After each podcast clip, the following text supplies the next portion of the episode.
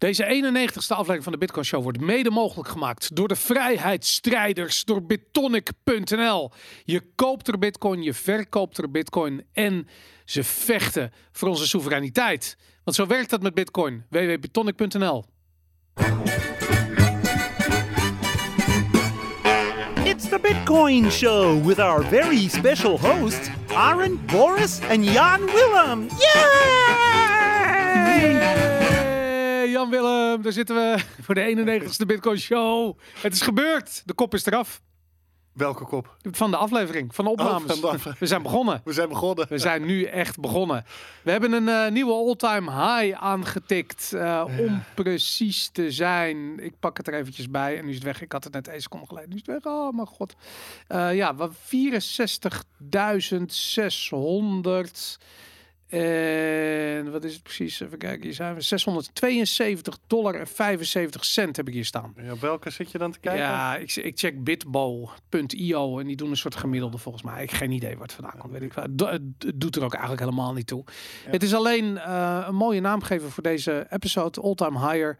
En ik heb ook echt het idee dat, ehm, ehm, ja, dat we het, hoe, he- hoe heet dat? De, het, de zwaartekracht van de 60k eh, ja, voorbijgeschoten zijn. Dat we los zijn. Dat we take-off velocity hebben gehaald. Denk je dat niet? Of kletteren we straks gewoon weer naar de Ik zie alleen maar 45.000? beren op de weg. Jij ziet alleen maar beren, hè? Ja, beren zo ontzettend berig zit je te zijn. Ongelooflijk. Ja, ik vind het, eh, ik vind het interessant. Ehm, eh, en ik moet je eerlijk zeggen, die prijs, eh, het zal allemaal wel. Ik, ik weet niet zo goed wat ik daarvan moet vinden. Ik kijk niet eens zo. Zal ik het dilemma nog eens een keer uiteenzetten? Ja, zet het Ik, dilemma. ik, ik ga nog even mijn dilemma uiteenzetten. Ja. Dus er zijn, naar mijn idee, drie verschillende dingen die met de prijs aan de hand zijn. Ja. Het eerste is dat je dat, die instroom van institutioneel geld hebt. Ja. Nou, dat is een fundamentele lange termijn beweging. Ik bedoel, een, eh, ja, de grote fondsen gaan niet eh, opeens volgende week, omdat de bitcoinprijs met 30% gedaald is, eh, alles in één keer verkopen.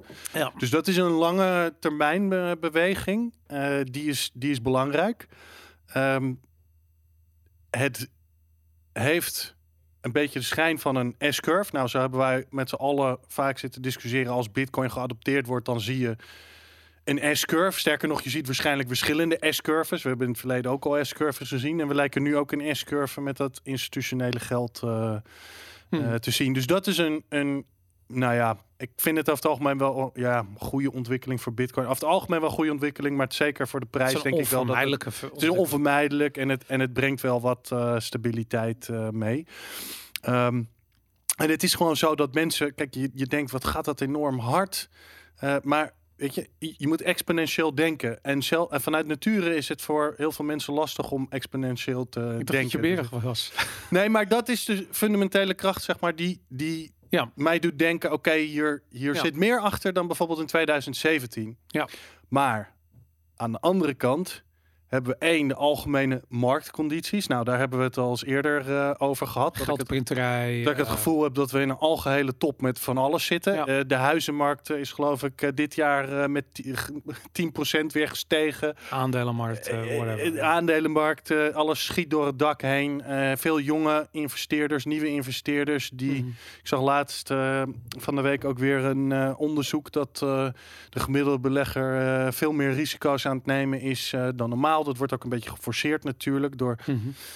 omstandigheden. Maar goed, dus dat, dat speelt ook mee. Ehm, en het tweede, wat natuurlijk ook meespeelt, is dat we een beetje weer. We hebben een paar maanden geleden zei ik tegen je, nou, ik heb het gevoel alsof retail weer echt aan het meedoen is met Bitcoin en al die nieuwe mensen het is op zijn. Jij zei toen, nou, nu nog niet, maar volgens mij ben jij nu ook wel overtuigd dat dat er weer is. En Ja. dan is de vraag van, oké, hoe, hoe balanceren die verschillende dingen tegen elkaar uit? Ik denk niet dat deze 65.000 dollar een complete en totale bubbel is. Dus er zit wel iets fundamenteels achter, namelijk dat het narratief veranderd is, dat er ander soort spelers in zitten die ook lange termijn stabiliteit met zich meebrengen. Aan de andere kant kunnen we niet ontkennen Mhm. dat er één, een hele hoop speculatie weer aan het toenemen is in de cryptomarkt. Dan kun je je afvragen hoe ver dat impact heeft op Bitcoin. Want ze zitten vooral in NFT's en V-chains ja. en Doge Change en weet ik veel wat allemaal. Mhm. En natuurlijk dat we in de algemene markt ja, gewoon allerlei dingen zien die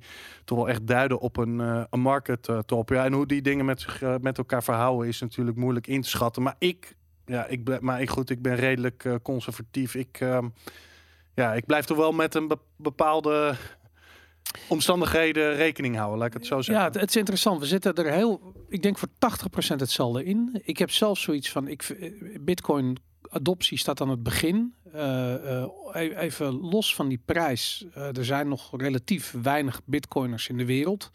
En er gaat ontzettend veel vraag zijn eh, naar eh, een, een store of value, store of wealth, die losstaat van de overheid. Ehm, en niet alleen in.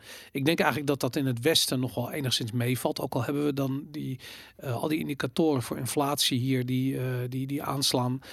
Ik denk dat er steeds meer ehm, ja, landen komen waarin het monetair systeem gaat falen. Ehm, wat je dus ziet gebeuren in Nigeria, in Kenia, Turkije nu. Iran, Argentinië, Venezuela. Ehm, dat zijn allemaal landen waar de vraag naar bitcoin straks niet te stillen gaat zijn. En niet dat die mensen allemaal, weet ik veel, een ton erin steken of krankzinnige bedragen. Nee, die gaan gewoon tientjes sparen in bitcoin. En dat kan ook gewoon, daar is het gewoon voor. En ik vind dat eigenlijk best wel eh, tof. Weet je, dat is ook hoe ik er zelf ook in sta. Dat je, je, je hoeft er niet ontzettend veel geld in te hebben om het zijn spaartechniek te laten uitvoeren. En ik denk dat dat het belangrijk Ik denk dat dat mensen vrij maakt uiteindelijk op de lange duur. Maar, Ja. maar goed, ehm, het, het is. eh, eh, ja, dus jij denkt niet dat we nu in, eh, in het midden van een beginnende bubbel zitten, of misschien al halverwege een bubbel? nee, ik, nee ik, dat denk ik niet. Ik denk dat we echt aan het begin staan van deze.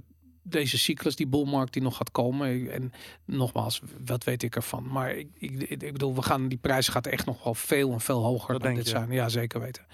Eh, maar aan de andere nog, we verdriedubbelen die weddenschap? We ik kan een café beginnen met jou. maar- we hebben, we hebben volgens mij- Ja, maar daar heb, daar heb je momenteel niks aan. Nee, dat- mag helemaal niet open. Nee, maar de biervoorraad die, eh, die groeit eh, exponentieel. Je moet exponentieel denken. Dus dat, ja, Ja. nee, absoluut.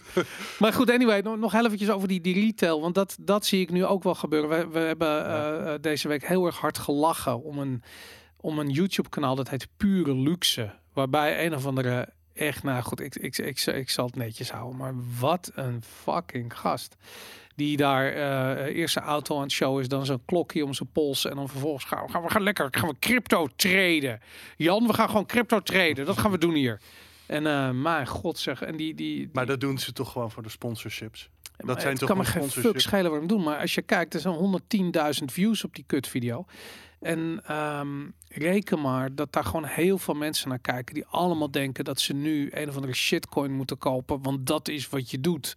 Dat is hoe je hier gebruik van maakt. En al die oplichters duiken er bovenop, weet je. En dan, dan heb ik nog zoiets van, weet je, als je een keertje een paar tientjes wil uitgeven en je koopt een cursusje en je denkt dat je dan wat indicatoren, dan leer wat over. Of je kan een beetje, weet ik veel, je, je, je kunt een beetje technische analyse. Nou, hartstikke leuk, gefeliciteerd, doe dat vooral, weet je. Maar waar het mij om gaat, is dat eh, mensen, hoe verder we naar die, naar die top van die shitcoins toe groeien, steeds meer geld erin gaan steken, weet je. En op een gegeven moment al hun spaargeld. En ik kan me die voorbeelden ook nog herinneren van die vorige bull market, dat... ehm, was een of andere eh, mannetje van een jaar of ik weet niet, dat was net over de 65 heen. Dat was met pensioen. Hij had zijn volledige pensioenpot, wat iets van drie ton was of zo. In VJ. Maar eh, echt in de meest gore shitcoins die je maar kan verzinnen, had hij dat gestoken.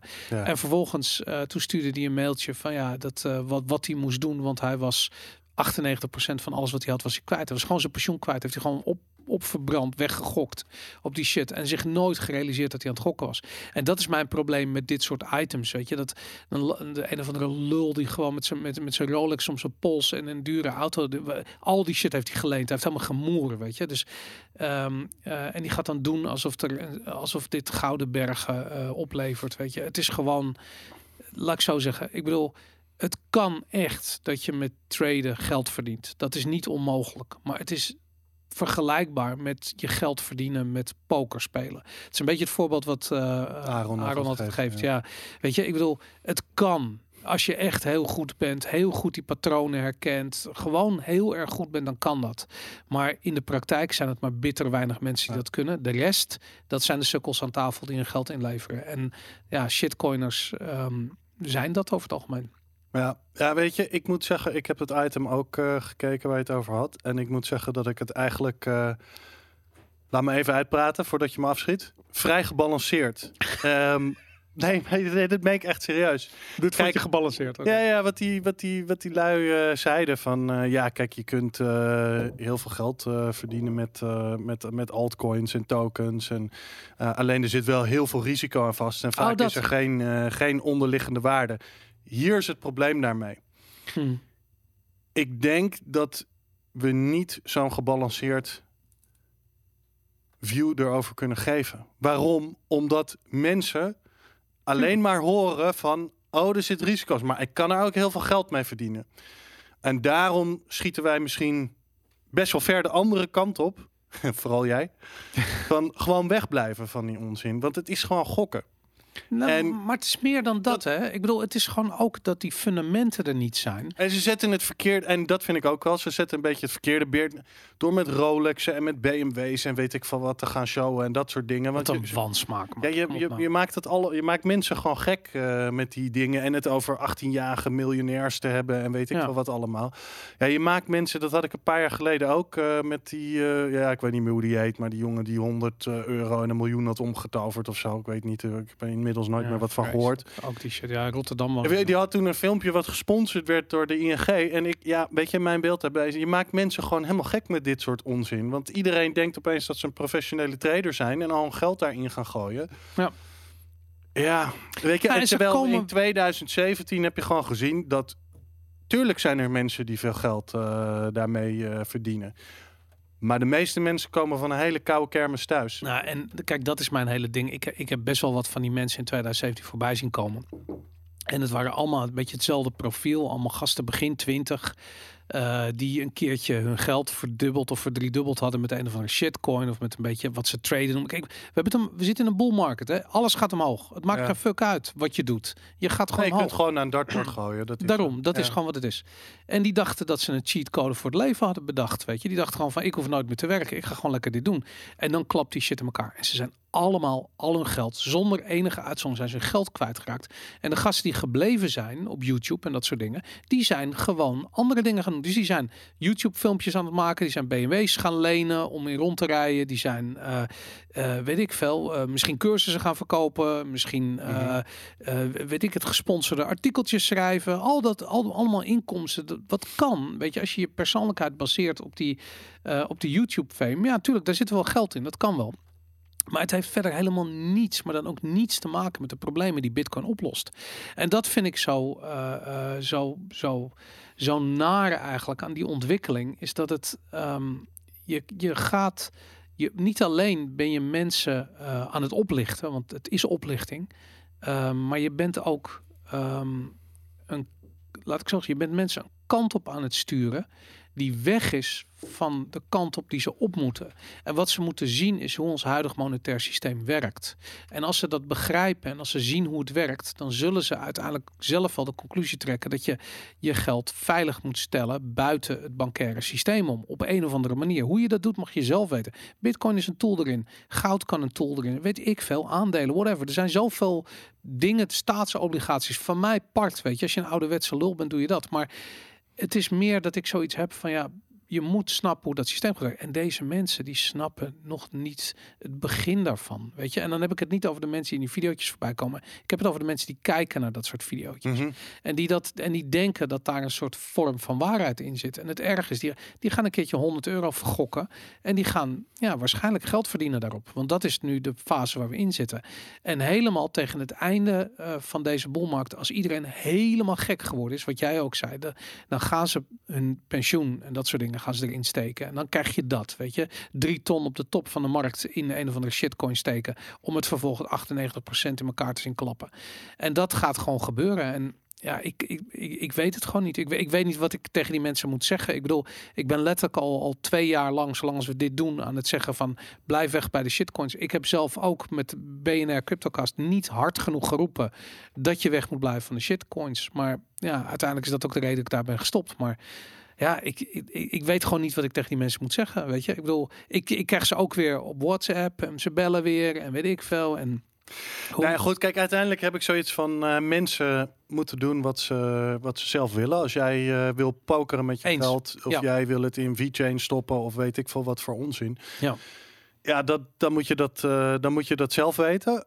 Maar ik ga, het zeker niet, ik ga het zeker niet aanmoedigen. Sterker nog, als jij nu thuis zit en je hebt een eh, hypotheek en eh, twee kinderen en al jouw geld staat in bitcoin. Wij mogen geen financieel advies geven, maar ik zou je toch, weet je, vraag jezelf dan eens af, is dat misschien wel zo verstandig? Ja. Want ik zeg niet per se hè, dat ik eh, gelijk heb, maar er is een kans dat er ook een bubbelvorming aan ontstaan is in Bitcoin. Dat weet je niet. We hadden het net over die drie fundamentele verschillende krachten. Nou, nogmaals, dat institutionele geld is wel een lange termijn positieve fundamentele kracht voor Bitcoin. Mhm. Maar ook die speculatie in de cryptocurrency markt en in de algemene markt zelf spelen mee. Dus ja, ook tegen mensen, nogmaals, het is geen financieel advies, maar stel je gewoon zelf de vraag. je hebt hypotheek, eh, je hebt eh, een man of eh, een vrouw en twee kinderen thuis zitten. En al Twee je geld- kinderen? ja, of drie, of één, whatever, maakt niet uit. Een Zeven. hond, kan ook. Zeven. dat zijn er wel heel erg veel. Ja, magic number. Ja, dan moet je jezelf toch ook afvragen: is dit nou wel zo verstandig hoe ik mezelf hier financieel. En wat gaat er gebeuren als Bitcoin opeens naar 15.000 dollar crasht? Ik zeg niet per se dat dat gaat gebeuren. Maar dat zijn wel risico's waar je rekening mee moet houden. En nogmaals, weet je, we hebben hier vaak dat we een beetje lollig doen over, eh, weet je, mensen die we wel eens op eh, CNN of RTL Z voorbij zien komen. Die roepen dat het allemaal een scam en een piramidespel en wat dan ook is. Nou, daar kunnen we, maar aan de andere kant snap ik hun gevoel wel een, een beetje. Omdat zij ja, zijn bang zijn dat mensen allerlei geld in een bubbel aan het stoppen, eh, stoppen zijn. Nou hebben ze daar misschien niet 100% gelijk in. Maar er zijn wel, ja, je moet wel met verschillende soorten scenario's denk ik rekening eh, houden. Nogmaals, ik heb redelijk veel vertrouwen in bitcoin. Ook op de lange termijn. Dat neemt niet weg dat we niet straks zomaar vier jaar in een bear market kunnen zitten. Ja, en als je dan... Maar laten we er gewoon van uitgaan dat dat weer gaat gebeuren. Weet je, Tuurlijk. ik bedoel, Ja. de, ik bedoel zelfs als eh, eh, 2017 en 2018 uitzonderingen blijken te zijn, laten we voor het gemak er gewoon uit van gaan dat er hetzelfde gaat gebeuren. En dat betekent dat we gewoon een, een we gaan zo meteen een gigantische top zien ergens in de weet ik veel 1, 2, 3 ton, weet ik veel, zoiets. En daarna crasht die keihard weer naar de 50k. En dat, ehm, dat zou Wel apart dat, dat je dat zo zegt. Crashen naar de 50k. ja, ja, maar dat is natuurlijk al ja, wat absurd hoog. eh, Dat is absurd hoog. Maar goed, dat is, dat is eh, een beetje wat er in 2017, 2018 gebeurd is. En als dat weer gebeurt, ja, weet je, dan, eh, dan gaat dat heftig zijn. Dan gaat, Tuurlijk, dat gaat, Tuurlijk. Zeker voor mensen die een eh, twee ton bitcoins voor maar- het eerst hebben gekocht. Maar, dat is ook de. Weet je, ik, ik, ik, ik heb best wel vaak dat mensen me vragen: me, wat moet ik doen? Moet ik een hele bitcoin kopen? Of moet ik dit of moet ik dat? Weet je, en ik heb echt zoiets van: het, kijk, iedereen zijn risicoprofiel is anders. Maar ik heb zoiets van: benader bitcoin niet als iets waar je in één keer al je geld en je hypotheek en je toekomstig geld in moet. Zie het gewoon als een, als een spaartechniek, weet je. Koop een tientje in de maand, 20 euro in de maand. Het maakt niet uit. Maar, maar doe niet megalomaan. Weet je, denk niet aan die BMW's en die klokjes en een appartement van, van een miljoen, weet ik veel.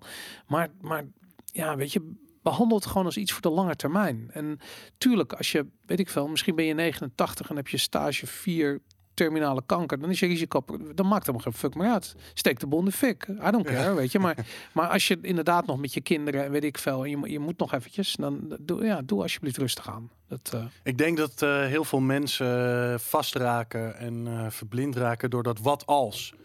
Oh, wat als ik nou toch mijn geld drie jaar geleden in al had ik nu Ja. dit gehad. ja. Dus dat betekent dat ik het nu maar moet doen. En dat, ja, zo moet je dus niet denken. Weet je, Nee. je moet vanaf dit moment, waar sta je? Ja. En wat is verstandig vanaf dit moment van wat jij, wat jij weet? Ja, En ja, weet je, ik, ik- ja, nogmaals, eh, persoonlijke omstandigheden verschillen. Eh, kijk, eh, misschien als je 18 bent, kan ik me misschien nog ergens voorstellen. Nou, ik gooi een hele hoop in mee. bitcoin en dan proberen we wel. En want ik kan het altijd nog wel opvangen als ik wat, ja. wat ouder ben. Maar goed, het is wel wat anders als je een gezin hebt of wat dan ook. Dus nou goed, dan moeten mensen zelf maar een oordeel over doen. Maar Ja. Nee, iedereen zijn risicoprofiel is anders inderdaad. Ja. En Het is ook moeilijk om daar, om daar iets zinnigs over te zeggen. Kijk, Ja. ik denk op de lange termijn Bitcoin gaat als een zwart gat fungeren. Dat trekt bijna alle monetaire assets naar zich toe. Ook de, de huizenmarkt Dat gaat, leeg, kunnen. gaat leeglopen op een gegeven moment. En ik denk dat Bitcoin daar een rol in gaat spelen. Hoe dat eruit ziet, geen idee. Als je nu in huis moet je erop gaan zitten wachten. Ja, weet je, met al dit soort dingen is het een beetje alsof je wacht op het. Ja, het is wachten op het brood wat uit de toaster komt. Het gaat niet gebeuren als je dan gaat zitten staren. En dat is het hele ding. Mensen zitten nu massaal naar die prijsgrafiekjes te staren. Eh, er gaat niets gebeuren, weet je. Ik bedoel, het gebeurt als je er niet op zit te wachten. Het, het gebeurt als je denkt van, nou, fuck het, bitcoin is eh, leeggelopen. Het is een scam, ik weet het niet, het, het, het werkt niet, whatever. Dat is wanneer bitcoin weer zijn volgende run gaat opbouwen. De energie weer... Ja, maar dat zag je toch in deze laatste Precies. aanloop ook. Hè? Mensen waren helemaal, het is klaar, het is afgelopen, het is het einde. Ja. Ja, En daar gaan we weer. En dat is wanneer je moet kopen. En nu moet je gewoon rustig gaan. Nu moet je gewoon chillen. dat is heel belangrijk. Nou ja, nogmaals, het is allemaal geen eh, financieel advies, want dat mogen wij niet geven. Maar ja, zeker eh, nu we echt zien dat er een hele hoop speculatie ook weer is. Ja. Ja, zou ik toch zeggen tegen de luisteraars thuis, eh, wees gewoon voorzichtig. Wees En voorzichtig, blijf jongens. nadenken. Gebruik je hersens. Heel belangrijk. En laat je niet gek maken met, met, met itempjes op YouTube. Weet je. Wees gewoon nuchter. Wees een nuchtere Hollandse boer die zich gewoon niet gek laat maken. Koop gewoon een psycho. Koop ze. Maar dat is ook zoiets, weet je, dat je dan fucking je geld in een fucking horloge gaat steken. Nee, Ik- dat snap ja, maar ik snap. Ja, ja, weet je, aan iedereen, ik gun iedereen zijn hobby, maar ja. dat mensen horloges van eh 40.000 euro, ik- nou, ik kan me daar helemaal niks, eh, Ja. ik kan me daar echt niks bij voorstellen. Maar goed, eh oké. Ja, nou goed, inderdaad. Ik, wil- ik wil er ook niet over oordelen. Ik heb er ook niks tegen, weet je. Ik bedoel, het is als je daar gelukkig van wordt. Ik gun iedereen zijn hobby, maar ik denk er wel iets Ja. over. Inderdaad. Maar goed, misschien is dat ook inderdaad, weet je. Als je kinderen hebt en je, je hebt ander soort kosten, dan zijn dat soort dingen niet meer zo belangrijk. En dan, dan, ga je, dan ben je met andere dingen bezig. Ja. Goed, ehm, even kijken. Snel de huishoudelijke mededeling. Onze website www.debitcoinshow.nl. Op Telegram zitten we t.me slash de Bitcoin Show. Daar kun je met ons eh, discussiëren als je dat leuk vindt. Of met de andere leden in de groep. Het zijn de meest intelligente bitcoiners van Nederland. Die zitten daar. Dus je kunt best wel wat goede antwoorden verwachten. Op Reddit r slash de. Op Mastodon at de Bitcoin bitcoinhackers.org. Op het moment dat Twitter ons eraf schopt. Hello de bitcoinshow.nl. Daar kun je mailtjes naartoe sturen. En als je dit kijkt op YouTube, vergeet niet te liken en te subscriben. Want alleen zo kunnen we de demonisatie van de smeerlappen uit Silicon Valley tegengaan. Reken maar dat ze smeerlappen zijn. Toch dan Jan of niet? Dat weet ik niet, Boris. Ik ken ze niet. Jij bent dat zo lekker genuanceerd. ik heb altijd het idee dat je zoiets hebt van, ja, misschien ga ik daar nog eens een keer solliciteren op een dag. in Silicon Valley. Geen idee, ja. Ja, misschien ga je bij Twitter solliciteren of niet? Ja, of bij Palantir of zo. Ja, zoeken ze de crypto. Ja, die- Zoeken ze daar nog ja, crypto-experts? vast wel, inderdaad. Ja. Moet je ze wel aanraden om alles in, weet ik veel, in Ripple te steken of zoiets. Ja, ja, ja, ja, ja, ja. Goed, eh zullen we beginnen met de brief van Bart? Ja, we hadden nog een brief. Een brief, een brief van Bart. Beste Bitcoin mensen. Hierbij een printscreen vanaf mijn stoel waarin te zien is dat ik blijkbaar bij jullie Bitcoin Show YouTube kanaal in de comments gecensureerd word. Als ik ingelogd ben, laat YouTube zonder enige melding gewoon mijn reacties zien. Maar als ik uitgelogd ben, zijn mijn reacties verdwenen. Ik had jullie 16 februari hierover al een bericht gestuurd en zag ook dat jullie in de show later het erover hebben gehad. Jullie konden het alleen niet bewijzen. Dit is natuurlijk het probleem. Ik kan het ook niet bewijzen, behalve dan de printscreen sturen vanaf een PC-stoel. Ik weet niet wat ik hiermee aan moet, maar dit is dusdanig ondermijnende censuur dat ik niet meer kan geloven wat ik zie. Met vriendelijke groet, Bart.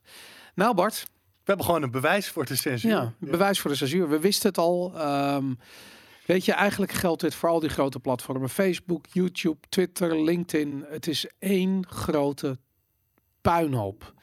En eh, je moet ervan uitgaan dat je comments eh, geblokt worden. Je moet ervan uitgaan dat je, want dit lijkt op een shadow ban. Dit is wat je hebt als je shadow. Ja, volgens, ja, denk je? ja, want dan wordt je eh comment niet direct weggehaald. Het is gewoon, er wordt voorkomen dat anderen het zien.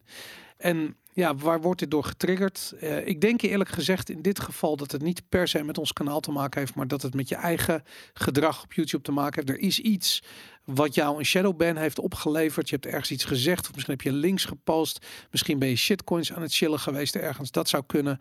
Ehm, ja, misschien heeft het ook wel met ons kanaal te maken. Het is onmogelijk om te achterhalen wat er aan de hand is. Het is wel heel erg kwalijk. Nou ja, wat ik zelf dacht toen ik eh, de screenshot zag, hij, heeft, eh, hij post daar een link ergens naartoe. En het kan zijn dat, hij, dat daarom misschien het commentaar... In die eh, specifieke comment? Ja, dat daarom misschien het gecensureerd is. Want ik volgens mij Kun je niet zomaar links eh, posten. Ja, oké. Dat, Dat, dat zou het kunnen zijn, ik weet het niet. Of misschien heeft Bart zich wel heel erg misdragen op YouTube. Dat kan natuurlijk ook.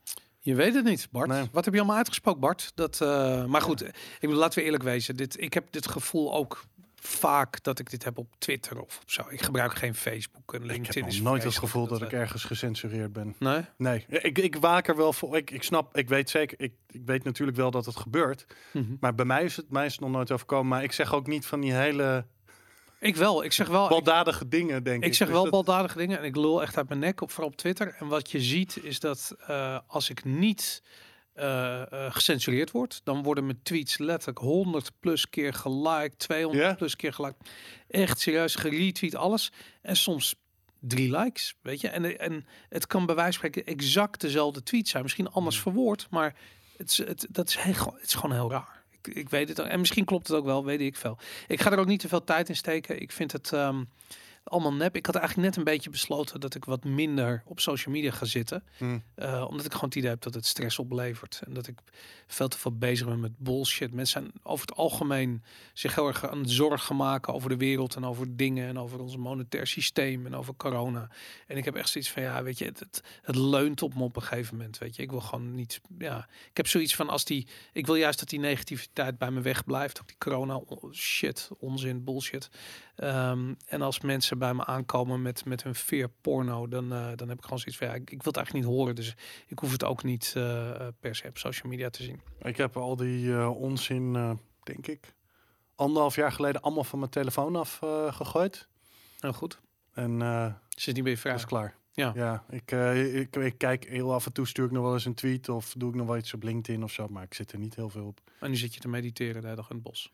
Ik zit de hele dag te mediteren in het eh, bos en eh, dat wil ik dus ook gaan doen. ja, naar, mijn- naar mijn tof. psycho te staren. Weet je hoe laat is het nu eigenlijk? Vet. Hey, ehm, even kijken. Eh, we hebben het natuurlijk al gehad over de retail die is hier. Laten we. ehm, ik wil eventjes een ander groot onderwerp vandaag. Weet je wat er vandaag gaat gebeuren? Coinbase IPO. Ja, de Coinbase IPO. Coinbase gaat naar de beurs. Ze krijgen vandaag hun listing op de Nasdaq. Onder de ticker Coin. Mhm. Mag ik even een shout-out voor die prachtige ticker? Wat een mooie ticker. Ja. Heb je iets met tickers? Helemaal niks. Nee? Nee. Ik wel. Ik vind het dus een hele mooie ticker. Ja. Echt een hele mooie ticker. Ja. Coin. ja. Maar Jij, jij zit er ook tot je knieën diep in, toch? Absoluut. In die IPO. tot aan mijn pink zit ik in de IPO. Nou, ik zit, eh, ik ben gewoon een normale sterveling, dus ik ben niet een vroege investeerder in Coinbase. Dus eh, ik heb geen aandelen eh, Coinbase. Maar als ik dat zou willen, zou dat vandaag kunnen. Eh dus vandaag, eh, ik denk Mhm. om half vier gaat die listing live. Dan gaat dan opent de Nasdaq. Dan zou die daar moeten zijn. Eh, de, de, de, de listing gaat voor 250 dollar. Gaat die live? De futures op Mm. FTX op dit ogenblik zitten al tegen de 600 dollar aan. Ehm, ja, het is de, En dat betekent. En hoeveel miljard is eh, Coinbase eh, dan zogenaamd waard? als hij naar de 500 gaat, dan volgens mij zou die 100 miljard waard zijn. Of misschien is die Ah, dat nu al. Ik heb echt geen idee, maar het is. eh, Ja, ik zag schattingen tussen de 70 en de 100 eh, miljard. Maar ik, ik weet dan niet precies wat die futures van 600, wat dat zou inhouden. Daar heb ik niet naar gekeken. Ik maar- heb, heb ik ook niet naar gekeken. Maar ik, maar ik bedoel, 100 miljard zou het bedrijf waardevoller maken dan Goldman Sachs, geloof ik. En dat is, eh, dat is het Ja, absurde. en waardevoller dan eh, ICE, hè? Van de eigenaar van de New York Stock Oh, ja, Exchange. ook. waardevoller dan de Nasdaq. Ongelooflijk, ja. Maar dat is natuurlijk datzelfde verhaal hebben we al eens eerder Ja, gezien. maar dat is toch ook zo? ja, het is ook Natuurlijk is Coinbase, veel meer waardevol dan eh ICE en... Weet je nog dat eh American Online Time Warner had overgenomen? Was ook zoiets. Die waren zo ontzettend door het dak eh, gewaardeerd. eh, dat ze dus gewoon een van de grootste media eh, conglomeraten in, in Amerika hebben gekocht. En dat, ehm, is heel interessant. Terwijl American Online het was niks. Iedereen zag altijd. Dit kan gewoon niet kloppen. En dat is natuurlijk wat hier ook aan de hand is. Nou heb ik zoiets van, oké, die, fundam- die fundamentals van Coinbase, eh, die zijn natuurlijk flinterdun. Weet je, ik bedoel, het is een, laten we eerlijk wezen, het is een kutbedrijf. Ze zijn, eh, ze hebben 4000 of 4400 bitcoin eh, op de balans staan. Wat natuurlijk een lachertje is voor een bedrijf wat volgens mij 1,2 miljoen bitcoin beheert van klanten. Ehm, ze zitten vol in de shitcoins. Die, die hoe heet die directeur ook? Brian. Brian Armstrong. Oh, wat een aardappel van een gast is dat. Ongelooflijk. En die, als je hem ziet ook, die, die, die karakter. Zeg je nou dat, dat, dat omdat hij kaal is, Boris? Ja, je weet. Zit je nou Hij- gewoon kale mensen uit Hij heeft echt een aardappelhoofd. Ja. Serieus. Dat hij, hij is echt Mr. Potato Head. Maar, maar anyways, die, eh, hij is gewoon ook echt een shitcoiner. Hij is een, eh, hij is een pannenkoek. Maar wat Coinbase heel erg goed heeft gedaan, Mhm. is dat zij, eh, zij zijn, omdat ze helemaal zijn gaan meewerken met de Amerikaanse overheid, zijn ze redelijk legit. En daarop dat ze ook als eerste Mhm. die IPO kunnen doen. Zij zijn echt het soort bedrijf.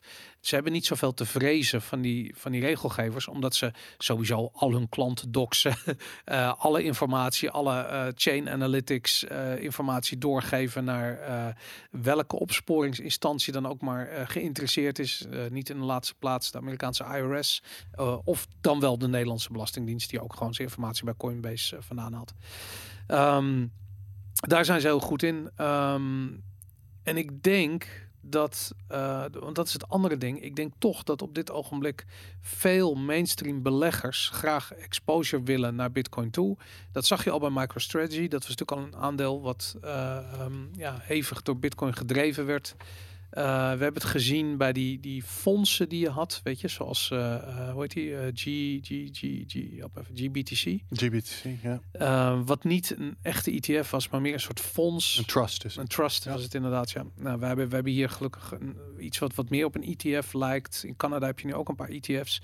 Dus er zijn wat meer opties, maar nog steeds niet heel veel. Nou, Coinbase zou zo'n zo'n aandeel kunnen zijn wat heel erg gedreven wordt door de prijs van Bitcoin. Dat is interessant. Ehm, aan de andere kant, eh, als je kijkt naar de... ehm, eh, naar, naar hun, hun valuation. Als je kijkt wat voor cijfers ze gepresenteerd hebben, die waren heel indrukwekkend. Maar om even een voorbeeld te geven, zij verdienen drie. was een artikel in Bloomberg of eh, ja, Bloomberg. Volgens mij wordt het goed werd uitgelegd. Ehm, sorry, het was Fortune was het trouwens. Het ging erover dat zij dat Coinbase 43 cent verdient op elke dollar. Kan me bijna niet voorstellen eigenlijk.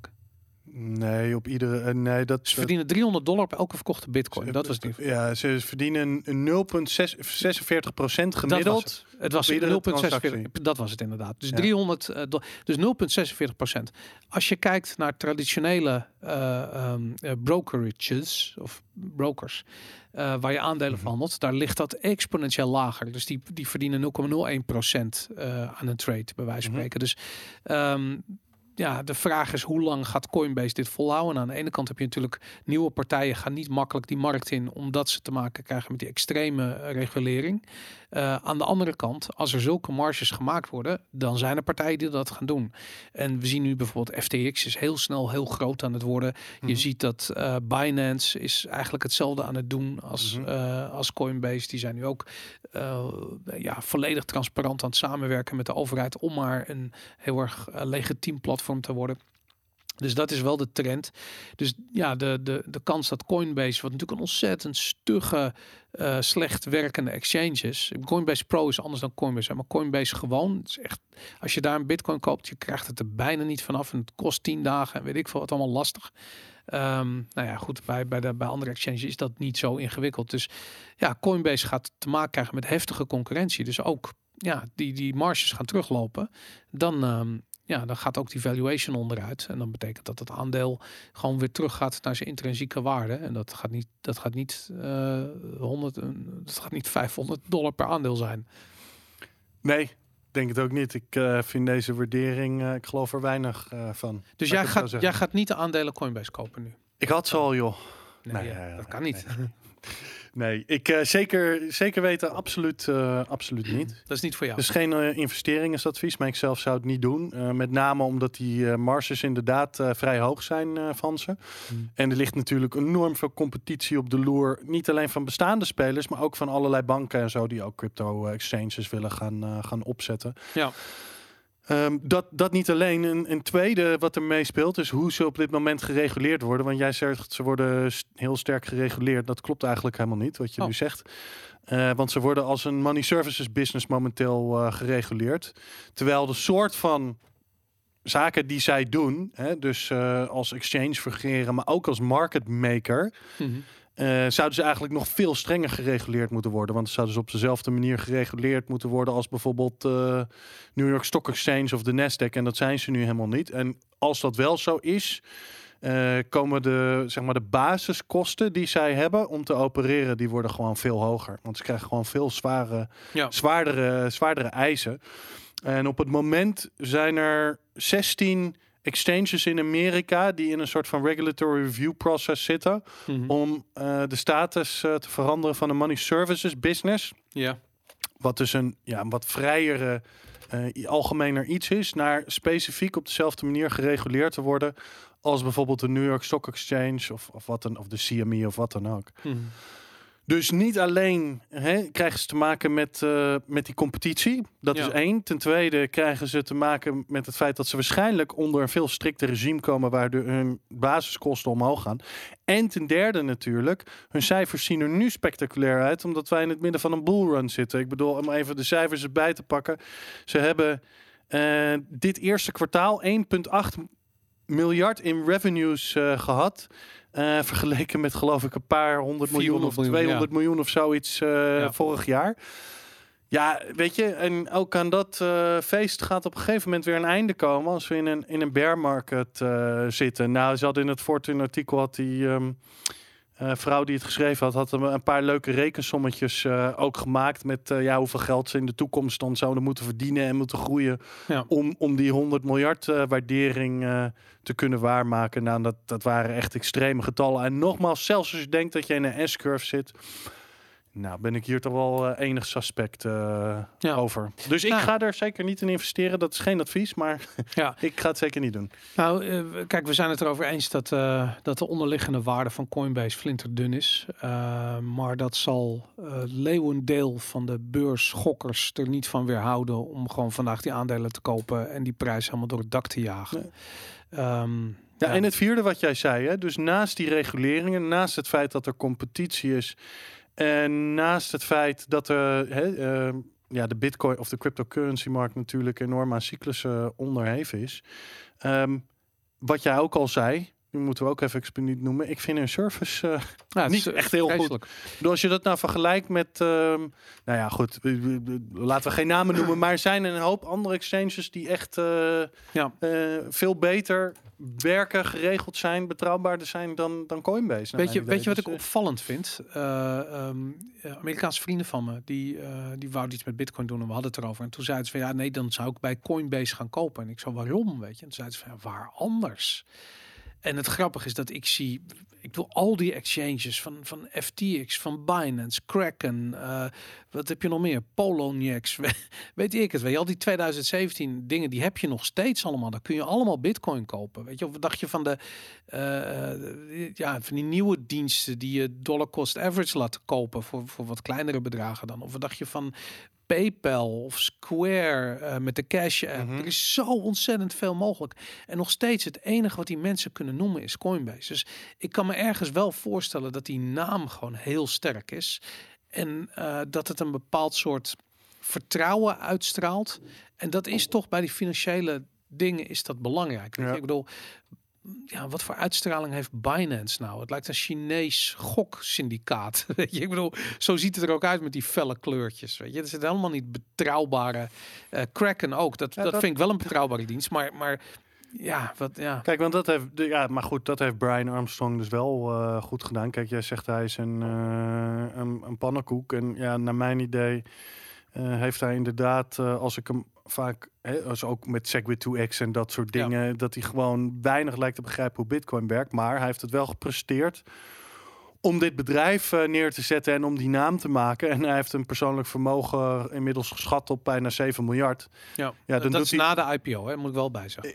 Ja, na de IPO. Maar goed, eh, dit is een direct placement. Dus hij gaat zijn, Ja. eh, ze gaan bestaande aandelen verkopen. Ja. Ehm, wat ik ook zou doen als ik, eh, als ik hem was. Ja. Eh, dus ja, weet je, dat heeft hij dan wel gedaan. Dus hij doet toch op een, in een zekere zin wel iets beter dan dat wij, dat wij Absoluut. het doen. Maar ik bedoel, eh, ja, een kleine 7 miljard meer dan ik. Maar, Ja. maar het, eh, ja, nee, weet je, ik, maar ik heb zoiets van, daar gaat het me allemaal niet om. Het, gaat het gaat mij om bitcoin. En het gaat me om dat dit soort mensen eh, rijk worden over de rug van bitcoin. En dat is nogmaals, dat is oké, weet je. Ik bedoel, dat is ook Nou, wat Bitcoin Maar doet. laten we het dan ook van de andere kant eh, bekijken. Kijk, hij heeft wel met zijn eh, bedrijf. Kijk, want ik, ik, ja, ik kan wel kritiek, alleen maar kritiek omgeven. Maar hij heeft wel met zijn bedrijf. Is hij een instap geweest voor een hele hoop mensen. Ja. Om eh, bitcoins te kopen. Ze hebben ook op reguleringen. Hebben ze natuurlijk heel veel pushback gegeven tegen, tegen reguleerders. Ehm, ja, ze hebben zich. Ze zijn een van de eerste partijen, eh, en nu zeker eh, met de IPO zijn ze eigenlijk volgens mij de eerste partij die op deze manier een IPO doet eh, in, Mhm. in Amerika in ieder geval. Ja, zijn ze Bitcoin toch meer acceptabel aan het maken. Dus ja, wij, ik heb kritiek op dat bedrijf en op de diensten die ze aanbieden. Aan de andere kant, er zijn ook wel andere dingen die ze toch wel heel goed en slim hebben, hebben gedaan. Ja. Zeker voor hun persoonlijke vermogen. Ja. Ehm, maar goed, ehm, ja, weet je, dus dat moet ik ze wel geven. Kijk, eh, ja, weet je, het, is niet alleen maar negatief. Eh, dat moet ik ze wel geven, dat ze dat allemaal hebben gedaan. Ja, wat denk je dat eh, volgende week bij de volgende aflevering de prijs van een Coinbase aandeel, wat dat doet? Ja, ik durf het niet te zeggen, Boris, want eh, de gekte momenteel is eh, overal te zien. Ik bedoel, eh, we hebben nou eh, met die Robinhood app, eh, weet je hoe dat nou, GameStop, die inmiddels weer helemaal teruggecrashed is. Ja, bijna dat, is, dat is echt een ander verhaal. We hebben de, de, heet je, de huizenmarkt in Nederland dende door met eh 10% eh, per jaar, geloof ik, inmiddels. En Ja. ja, weet je, de, we zitten all-time highs met uh, aandelenbeurzen. De, de, de Dow Jones staat inmiddels op eh 30.000 toch, wat geloof ik. Ja, weet je, ik, ik, ik zie het zomaar gebeuren dat die, eh, dat die op 1000 dollar staat eh, of zo. Maar als er enigszins... ehm, 4x Een kleine, in een week. Dat betekent dat je 4x in een week kleine, doet. hè? spel, een kleine speldeprik eh, in die euforie komt, zie ik hem ook zomaar op 100 dollar staan volgende week. Oh ja? Ja, ik weet het niet. Misschien gaat dat niet zo hard, maar ik. Ja, ik, Ik, denk, ik denk dat je 1000 dollar, dat, eh, ik, denk, ik, ik denk eerlijk gezegd dat dat gaat gebeuren. ja, jij denkt echt dat de gekte gaat losbarsten. Maar dat, is, en, dat eh, zie je toch ja. ook? Kijk nou naar die, naar die, naar die, naar die gasten met hun Rolexjes om, hun- hand die aan het crypto traden zijn. Denk je dat die niet een Coinbase IPO kopen? Tuurlijk doen ze dat wel. Ja. Dat, eh, iedereen staat al klaar om deze, eh, deze al warme broodjes te verkopen aan iedereen die hier vol in vliegt. Dus eh, nee man, we gaan het, eh, we gaan het zien. Ja, je denkt, je denkt het echt? Ja. Ja. Oké, nou ik ben benieuwd. Eh, Ik, ik denk dat het zomaar zou kunnen. Ja. Ja. Nou goed, we gaan het zien volgende Niks week. is Wel- gek genoeg vandaag de dag. Nee, absoluut. Dat, eh, eh, dat, is, eh, dat, is denk ik een beetje de strekking ook daarvan. En dat, dat is ook, kijk, die, we hebben het wel eens eerder gehad. Ja, jij was best wel berig dan wat we zeiden. Weet je, dat je zei van ja, je ziet overal een market top en zo. Weet je, en het stomme is, je kunt die market tops niet timen. Ik, ik kan me nog Nee, zo goed herinneren, in 2017, toen had ik veel contact met, eh, of nog steeds zo, maar toen ook met, met Willem Middelkoop. En die Mhm. was echt zo van, vanaf 7, 8.000 dollar was hij echt zo van, dude, je moet nu verkopen. Je moet verkopen. Dit is een blow-off top. We gaan een blow-off top in, weet ik. En ik dacht, waar heb je het over? Maar we zitten aan het, aan het begin van die run. En hij had gelijk. Tuurlijk had hij gelijk. Maar ik had ook gelijk. En dat is het stomme, weet je. Het was inderdaad een blow-off top. Maar 7.500 dollar was nog lang niet het einde van die run.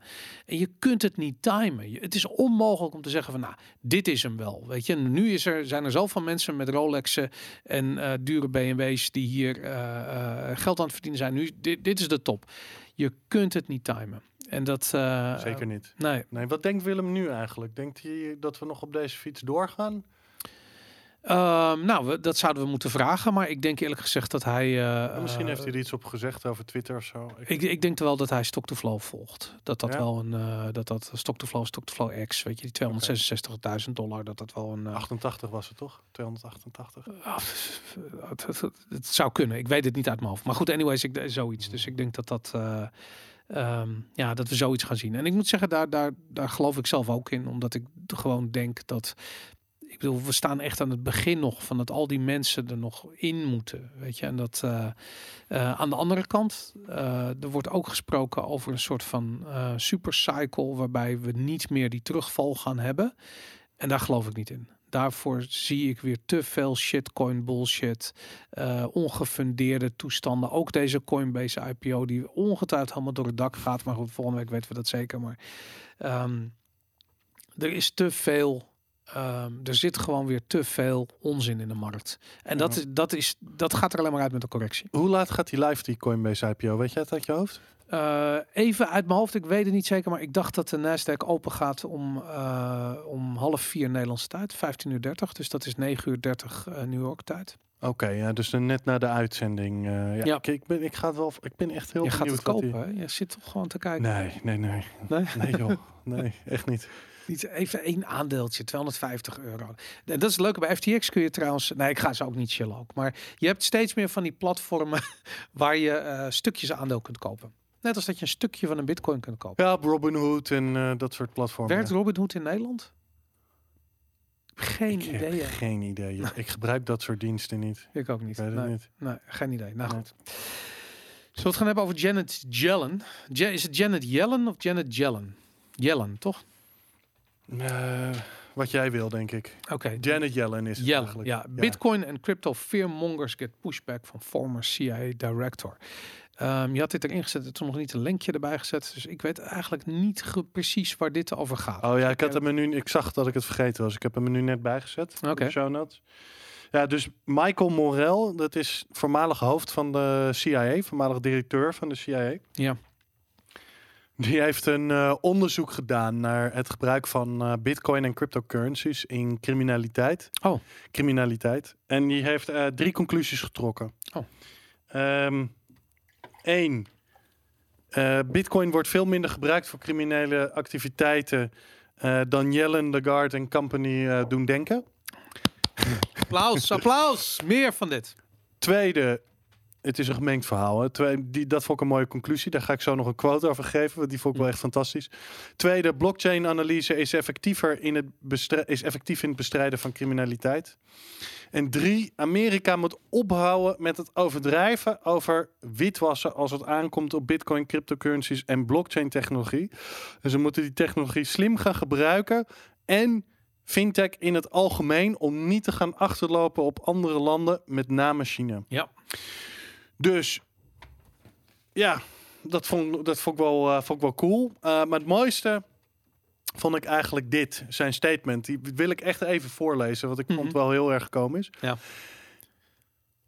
When he began this study, Morel would be the first to tell you that he did not expect to reach these conclusions. In our discussions, he said that one of his key assumptions was that people like Secretary Yellen and Christine Lagarde, president of the European Central Bank, were some of the most informed people on their planet and that their perspectives were grounded in facts.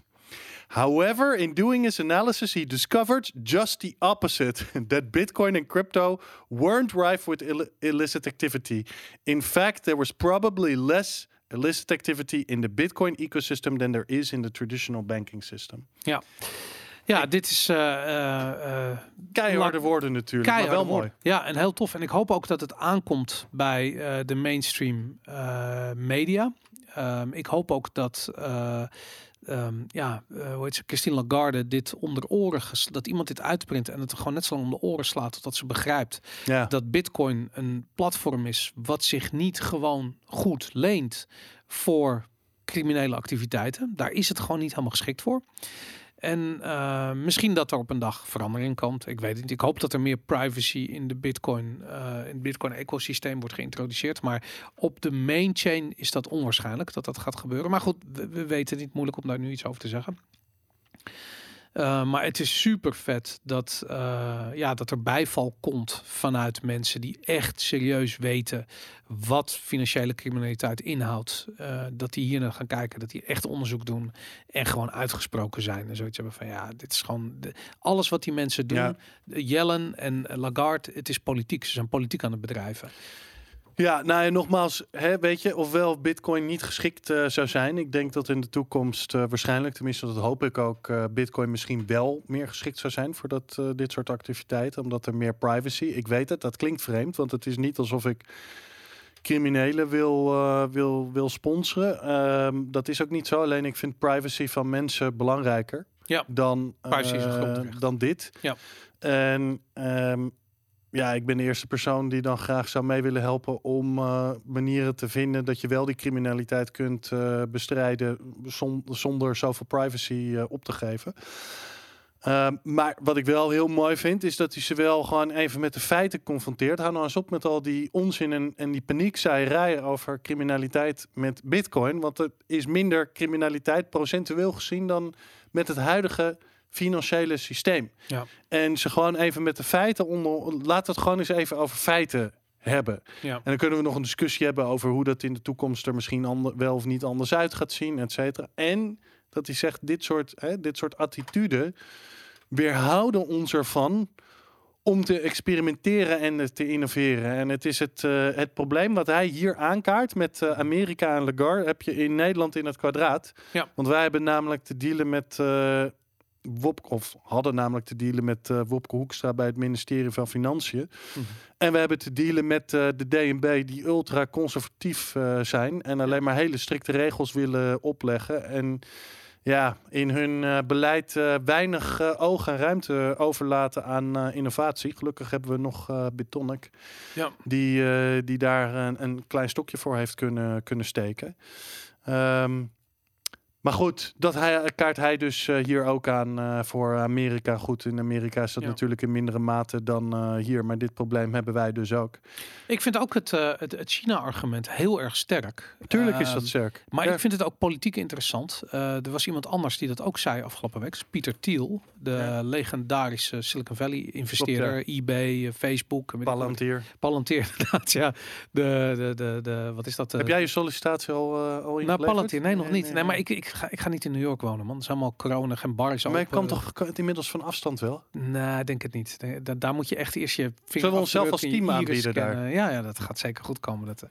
nee, Palantir is een, eh, is een surveillance company eh, die data die de overheid, Amerikaanse overheid niet zelf mag verzamelen, verzamelt en verkoopt aan de Amerikaanse overheid. Een fantastisch businessmodel. Dat is geweldig. Maar anyways, eh, Pieter Thiel die sprak op de Hoover Foundation, op een soort talk van de Hoover Mhm. Foundation. En die zei eigenlijk, eh, eh, eh, China is verder met hun digitale yuan, yuan, ehm, UN. yuan coin. En ehm, daar zijn ze zoveel verder mee dan bijvoorbeeld de Fed of de ECB. Eh, dat we straks te maken gaan krijgen met een eh, hopeloze achterstand. Dat is wat hij zei. Het zijn zijn woorden, niet mijn woorden. En ehm, ik vond het interessant, omdat hij is echt een Bitcoin maximalist. En ik had echt zoiets van, waarom zegt hij dat? En ik denk eigenlijk dat dat China-argument de, de ideale eh, manier is om Amerikaanse politici en overigens ook Europese pol- politie, maar iets mindere mate, vooral Amerikanen, wakker te schudden en Bitcoin te laten omarmen. Want ik denk namelijk dat de, zowel de Fed als de ECB, die gaan hun digital currencies, gaan het wel lanceren en het gaat direct floppen. Eh, en het gaat alleen maar één grote onboarding Mm. voor Bitcoin worden. Eh, ze moeten nu Bitcoin omarmen. eh, omdat China en Iran en weet ik veel wie zijn het al aan het doen. Beter doen ze mee. En ehm, ja, Ja, misschien is het, kijk, de, ik denk dat de grootste strijd waar wij nu voor staan, eh, is bij, eh, bij Bitcoin denk ik niet technisch. Het is eh, al deze regel en wetgeving. En ja, weet je, is dat gezegd, wat, is, wat is het gezegd ook weer? Ehm Cypherpunk's Right Code. Ja. Nou, daar, daar had Aaron het aantal weken ook eh, geleden ook eh, over. En dan zei hij, ja, dat, eh, dat, dat verhaal, dat was een leuke slogan. Maar die is ook teruggetrokken door de, was Tim May? Nou, ik weet even niet meer wie het zei. Mhm.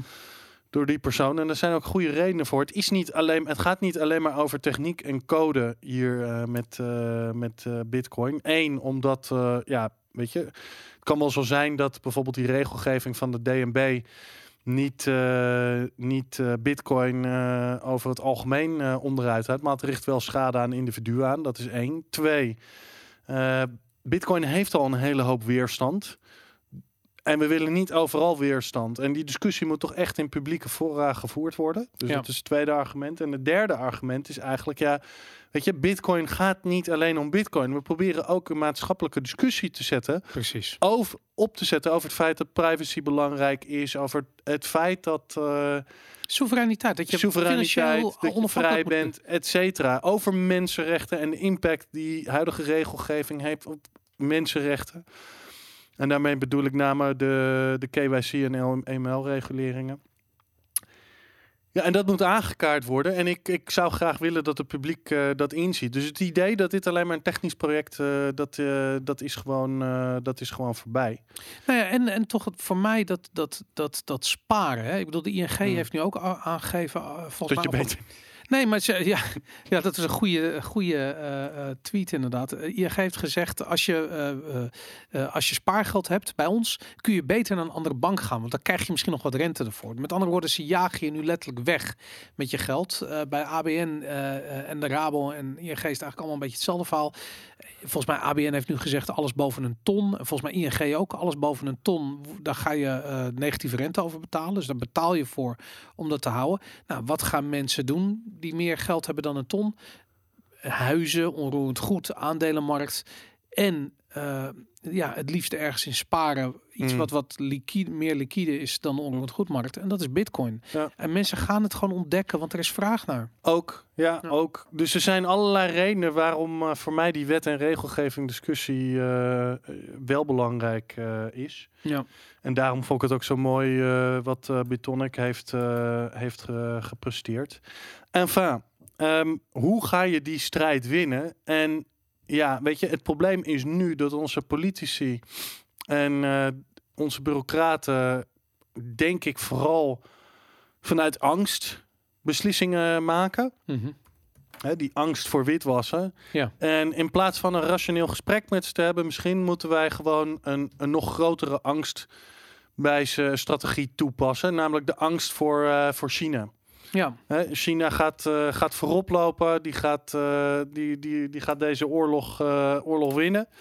In innovatie en techniek. Als je nu niet gewoon eens ophoudt Ja. met onzin te spuien over bitcoin, mevrouw Lagarde. En we moeten een hele andere strategie toe gaan passen. Anders dan lopen we hopeloos achter. Ja. Nou, en ik denk dat dat in eh, Amerika toch zeker in het werk is. We hebben het nu al zo. We hebben Greg Abbott eh, afgelopen week. Die zich heel positief. Dat is de gouverneur van Texas. Die zich heel positief over. Daar gaan we het zo over, over. Over Bitcoin heeft uitgelaten. Je hebt natuurlijk eh Cynthia Loomis in Wyoming. Je Ja. hebt in die, die. Major Suarez. je, hebt, Ja. je hebt best wel veel publieke figuren daar. In Europa hebben we die state eigenlijk nog echt niet. nou, je, Zwitserland en Malta doen natuurlijk hun best. Maar wie zijn nou de publieke figuren binnen Europa die zich positief Ja, nee, dat- uitlaten over Bitcoin? Ik bedoel, we zitten alleen nog maar opgescheept met mensen als eh, Lagarde en eh Wopke Hoekstra. ja. En eh, ja, die, die allemaal alleen maar neg- vooral redelijk negatieve uitlatingen Maar- lijken maar- te doen over Bitcoin. Europa is daar helemaal niet klaar voor. Europa zit in een soort Ja, Europa loopt gewoon altijd achter met dit soort En het is een soort dingen. identiteitscrisis die ze hebben. Die euro is shit. Iedereen weet dat die euro een kut idee is. Wat gewoon nooit van de grond. Het is half opgezet. Vind je? Ja, omdat het gewoon omdat landen hun eigen begroting erop nahouden. En dat. Eh, Ja, al die regels worden aan hun luisteren. eh, dat, zo, ja. dat ook, weet je. Dus het is gewoon. het- Ja, het werkt gewoon niet. Maar ik denk dat we nu niet meer terug kunnen.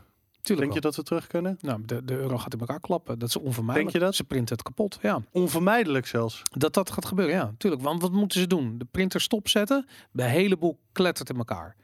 Dus ze Mhm. kunnen eh, eh, of de boel opblazen of de boel laten imploderen. Dat zijn de twee keuzes die de euro heeft. Maar de toekomst is er niet daarvoor. Dus ik denk dat we met, met zo'n digital currency. Dat is vrij project- sceptisch. Ja, maar waar, ik bedoel, dat het zijn niet mijn ideeën. Ik bedoel, welke andere scenario's zijn er? Dat, ehm, we hebben negatieve rente. Geld is waardeloos geworden, letterlijk. Ja. Mensen gaan dat zien. We gaan straks in zware inflatie krijgen, ook in de supermarkt gewoon. Mensen gaan dat zien. Mensen gaan vluchten uit de euro. De, de, de, het vertrouwen gaat weg. En denk je dat ze dat dan nog een keer terug kunnen krijgen? Dat hebben ze één keer gedaan met de euro zelf. Weet je, dan hebben we onze gulden ingeleverd voor de euro. Dat was één grote correctie op inflatie. Want die dat, dat Daar lijkt het wel een beetje op, hè? Die prijzen die zijn. Tuurlijk, man. Ja. Iedereen was eh, tien jaar lang aan het klagen. En eh, eh, uiteindelijk betaalde je gewoon hetzelfde bedrag in euro's waar je daarvoor guldens Ja. betaalde. Dat is dat in weet je, eh, als de Russen wakker worden en Poetin heeft een nul van de roebel afgehaald, dat is exact hetzelfde wat er bij ons met die euro en die gulden is gebeurd. En dat gaan ze nu nog een keertje doen zometeen. Ze gaan eerst die euro helemaal door het dak printen, dan krijgen we de digitale euro. En eh, dat gaat eh, opnieuw een inflatiecorrectie zijn. Dus je gaat niet 1 euro is één digitale euro. Nee, Nee, 1 euro is, weet ik veel, of, of, of één digitale euro, die is dan 10 euro waard. Weet je, nou, dan gaat gewoon een nul eigenlijk van je geld af. En dat, eh, dat gaan mensen zich realiseren en die vluchten dan massaal in assets waar je dus veilig bent daarvoor. En dat, is, dat gaat echt de laatste fase in die blow top zijn. En dat is waar Bitcoin, eh, en niet, dat zal deze eh, cyclus niet gebeuren, maar dat is de volgende. Waarin Bitcoin, weet ik veel, een miljoenenproject wordt. Weet je, waarin één Bitcoin miljoenen waard is. Ja, ik heb, ik heb zelf ook mijn twijfels eh, over het voortbestaan van de euro. Maar laten we wel eerlijk tegenover ze zijn.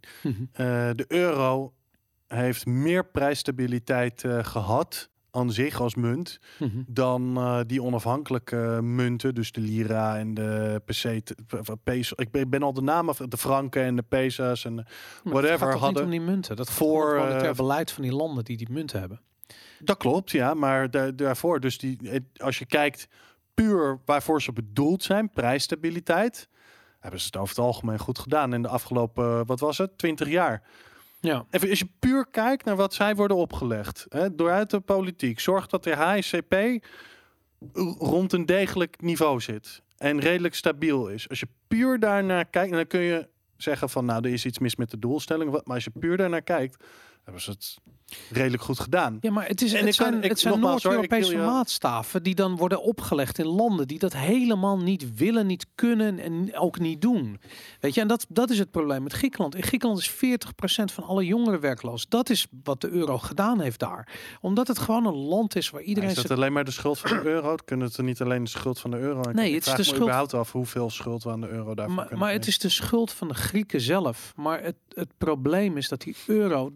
Kijk, toen, die, toen ze nog de drachma hadden en dat lekker konden bijprinten, dan verliest de drachma gewoon heel veel waarde. Maar dat betekent niet zoveel sociale ellende als wat de euro nu eh, daar eh teweeg Maar brengt. waarom heeft de euro zoveel... eh, ik heb er wel een idee over, maar ik stel de vraag Uh-huh. gewoon oprecht benieuwd wa- wat jij daarover denkt. Dan waarom heeft de euro zoveel schade daar aangericht dan in Griekenland? Nou, omdat ze gedwongen worden een soort begroting eh, aan te houden die ze, wa- wa- wat Mhm. een hele economie naar de kloten helpt.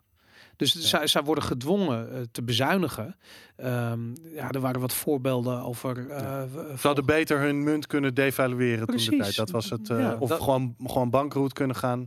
Maar de, wat ze al drie laten- keer hebben gedaan de Ja. afgelopen 50 jaar, weet ik veel. En dat is toch ook zo. Wat gebeurt er dan volgens? Die, die munt devalueert en iedereen gaat op vakantie naar Griekenland. Mhm. want het, is, want het is lekker goedkoop. Nou, ik denk, ik, denk dat je, ik denk dat je gelijk hebt. Ik denk dat ze beter. Kijk, kijk, als jij staatsobligaties koopt, dan loop je ook een risico. Ja, en wie hadden in dit geval de grootste hoeveelheid van die staatsobligaties? Franse en Duitse banken. Precies, ja. Ja, dus die zijn dat risico aange- aangegaan. Ja, dat is het risico wat je erop hebt. Ja, maar Ze dat, hadden beter kunnen failliet kunnen gaan en kunnen herstructureren. Dat ben ik met je eens. Ja, ja Dus, dat, eh, eh, door de euro kan dat dus niet meer. En ik denk dat dat. Ik, ik denk eigenlijk dat je daarmee dus een heel land nou, echt kapot helpt. En ik bedoel, wij in Noord-Europa hebben daar geen last van. Want het zijn onze maatstaven die we opleggen Mhm. aan Zuid-Europese landen. Maar het stom is, ik bedoel, als ik naar Italië op vakantie ga en ik heb vrienden in Italië, als ik daar ben, weet je, ik hou van die Italiaanse mentaliteit. Ik vind het tof dat ze de hele zomer niet werken, weet je. Ik vind het tof dat ze gewoon daar, weet ik veel, tussen de middag gewoon een fles wijn leeg suipen. En de- als je dan denkt dat er nog iets productiefs uitkomt de rest van de dag, dan ben je aan een, weet je, natuurlijk gebeurt dat niet. En maar ik vind het tof, weet je. Dat is waarom je in Italië wil wonen. Daarom, dat is fantastisch, weet je. Dat is toch geweldig. En dan, dan, dan moet daar een soort van, ja, Europese eh, monetaire, eh, ja, hoe noem je het, zo'n soort regime worden losgelaten, wat die mensen helemaal niet willen, weet je. Tuurlijk willen ze rijk worden, ze willen wel de voordelen van de euro. Dat is ook waarom ze het soort van ja, Mhm. pikken, denk ik. Ik denk Griekenland ook. Ehm, maar zij moeten uit de EU en eh, weg met die euro. Gewoon weer de drachme en de lira en gewoon weer zichzelf zijn. En wij ook trouwens. Wij moeten gewoon de, de gulden. En we zijn gewoon een provincie van Duitsland. Eh, ja, als Merkel Rutte opbelt en zegt dat er hier nog een avondklok moet gelden, dan komt er een avondklok. Wij zijn gewoon Ah, een maar dat provincie waren we al voor de euro. In de jaren 80 Daarom, hadden we al ja. geen eigen rentebeleid eh, bij de Nederlandse bank. Dat was Precies. gewoon op de Bundesbank afgesteld. Ja. Ja, ik. Nou ja, goed. Ja, ik ben niet zo. eh, ik ben zeker niet eh, anti-Europees. Ik ben wel minimalistisch, denk ik, eh, hoe ik nu over Europa denk. Dus ik zou weer terug naar de. Vooral naar de kern van vrije handel en vrij verkeer van mensen willen Ja. gaan. Absoluut. EU is het is een probleem. Europa niet natuurlijk. Europa is een fantastisch continent waar ik met veel plezier. Nee, en ik denk woon. dat er zeker een- genoeg problemen zijn om, eh, om aan samen te werken. We, wat dus, eh, en nogmaals, weet je, ik, ja, ik sta voor vrijheid. Dus ik sta ook voor vrije handel en vrij verkeer van mensen. Zo, tot in de mate waarin dat mogelijk is. Hè. We kunnen Ja. wel zeggen, we gooien alle grenzen open. Maar goed, dan krijg je ook eh, dingen die je niet eh, kunt eh, opvangen. Bedoel, Misschien dat opeens in Nederland ook 5 fixt. miljoen mensen aan de grens staan, hebben we wel echt een probleem.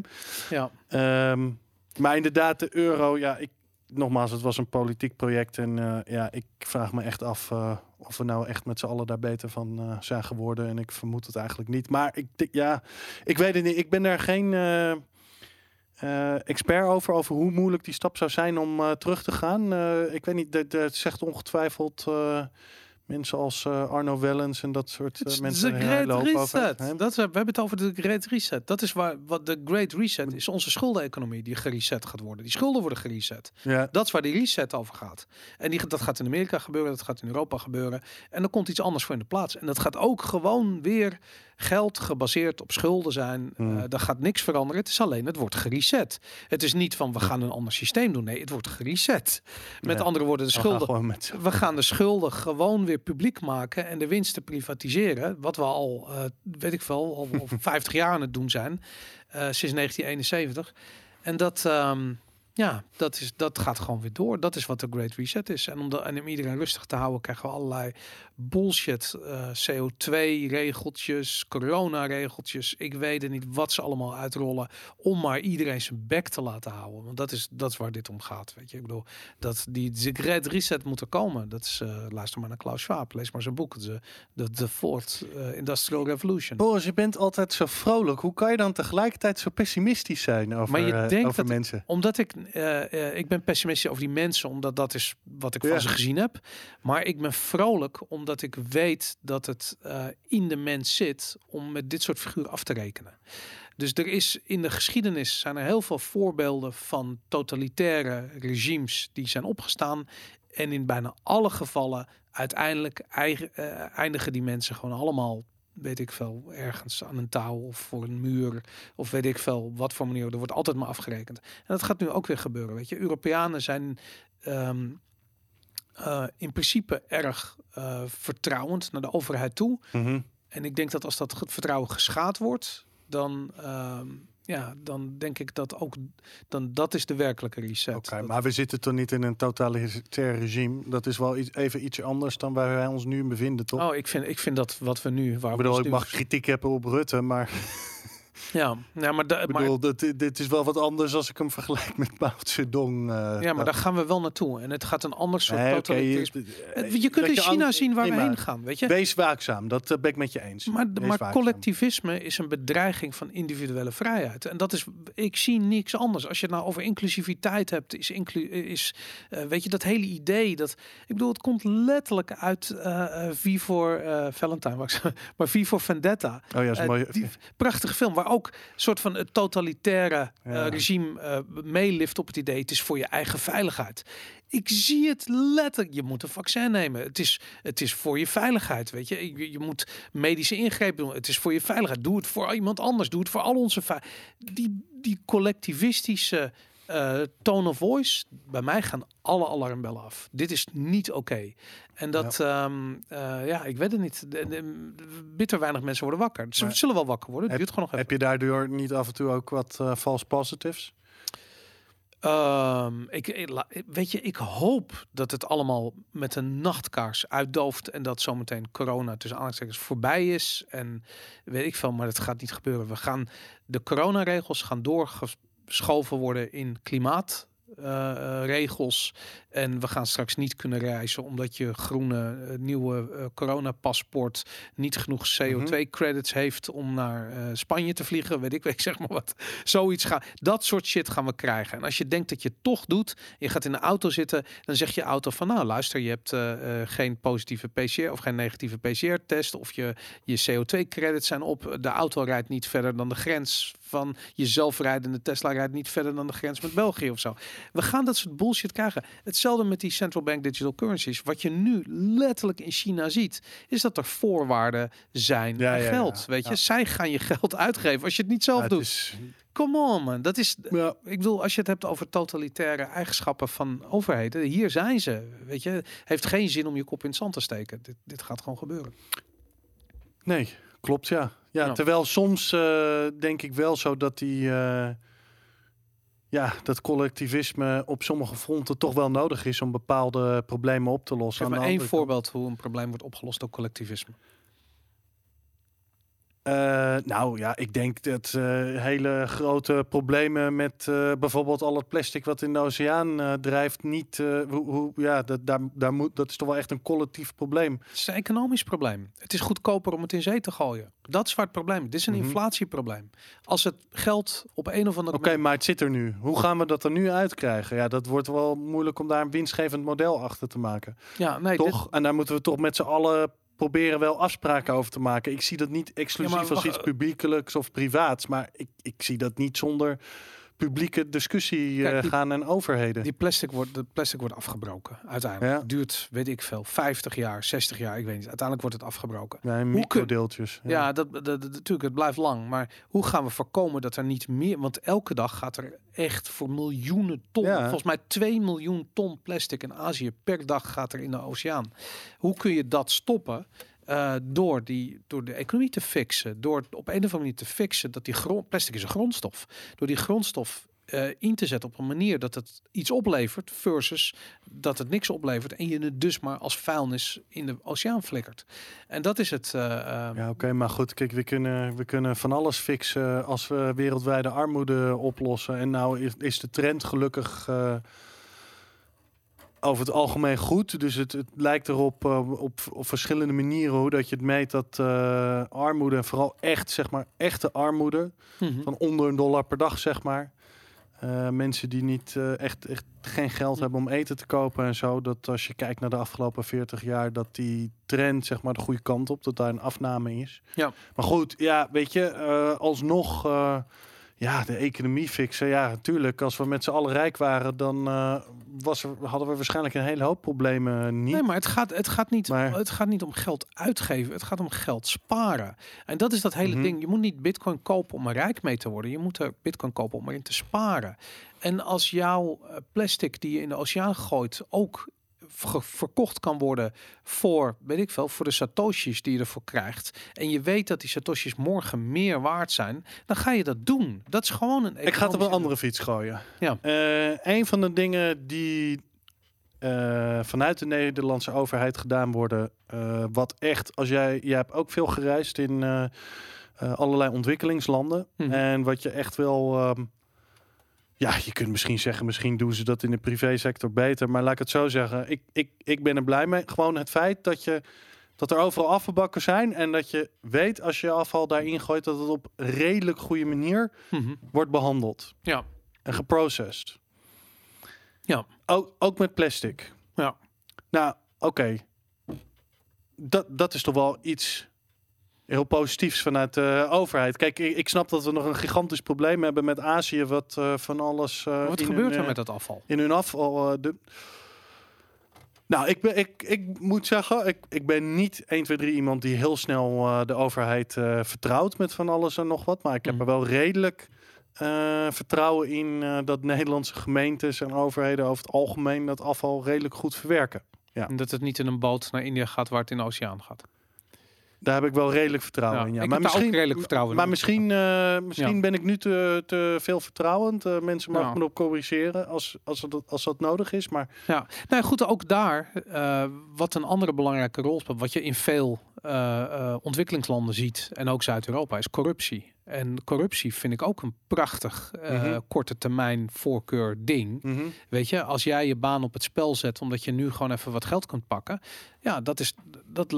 Dus fiat werkt corruptie in de hand. En Mhm. eh, Bitcoin eh, gaat juist die lange termijn voorkeur aanwakkeren. Want wat je in de toekomst verdient door nu te sparen in Bitcoin, dat kan niet op tegen die, ja, die steekpenningen waar je nu misschien een, weet ik veel, een BMW of een dom klokje van koopt. Maar ehm, Oké, ander voorbeeld. Ehm, er zijn mensen die eh, ontzettend pech hebben in het eh, leven. Misschien hun benen kwijtraken, misschien eh, hun baan kwijtraken. kinderen die niet genoeg te eten hebben. Je kunt misschien een discussie voeren over hoe dat collectivistisch misschien georganiseerd moet worden om eh, mensen bij te staan die Mhm. in dit soort omstandigheden verkeren en wat eh, hulp nodig hebben. Misschien wil je dat via privéorganisaties, misschien via de overheid. Ik denk dat je er niet aan ontkomt om een gedeelte bij de overheid eh, te, te doen. En ik vind dat ook, ik vind dat ook goed. Ja, daar moet je dan wel een soort van collectivistisch gevoel bij hebben. Je moet wel een soort van collectivistisch gevoel hebben met, ze, met in ieder geval een grote groep mensen. We gaan mensen naast ons die het, we- weet je, ja, je kunt daar geen businessmodel op loslaten. Of Maar, iets. maar kijk, is- dit is gewoon eh, sociale verantwoordelijkheid nemen. En als je verantwoordelijkheid voor jezelf neemt, neem je ook verantwoordelijkheid voor je omgeving. En ik heb, ik, ik heb een probleem met het idee dat we met z'n allen niet in staat zijn om dingen te organiseren anders dan via de overheid. Want ik vind de overheid gewoon Nee, een dat- ontzettende verspilling van geld. En laten we eerlijk zijn, Ja. als er mensen op en zij, ik, ik heb het in Mexico gezien, kinderen die op straat eh eh, eh, bedelen eten bijvoorbeeld. En ik geef ze altijd eten. Je hebt overal etenstalletjes en dingen en zo. En dat geef ik altijd. En dan vind ik het interessant als je kijkt, dan in no time zitten hun ouders ook aan tafel. En dat is echt heel, want die staan vaak om de hoek te wachten en weet ik veel wat. Mhm. die kinderen worden dan vooruitgestuurd om wat te eten te halen. En dan vraag ik van, staat je moeder daar? Staat je vader daar? Of je broer? Weet ik veel wat. Ja, die zijn er altijd wel. Die staan een oogje in het zaal te houden. En ze gaan ze ook halen, weet je. Hier is tacos voor iedereen. Het kost niets, weet je. En je merkt gewoon dat als je dan met die mensen praat en je vraagt van, is er iets voor de overheid? Hoe, hoe werk je? Tuurlijk. Weet je, ik wil ze hebben vaak nog ook nog wel werk. Dat is het niet per se. Maar het gaat erom dat er is gewoon niet genoeg. En die armoede, dat probleem waar, waar dat uit voortkomt, het heeft, het heeft te maken met corruptie en daarom ook met inflatie. Weet je, op het moment dat Mhm. je in zo'n land Kijk naar, naar Zuid-Amerika. Wat bijna al die currencies met elkaar gemeen hebben, is dat ze allemaal kapot geprint worden. En wie profiteert daarvan en wie is daar het slachtoffer van? De onderkant is eh, het slachtoffer en de bovenkant profiteert.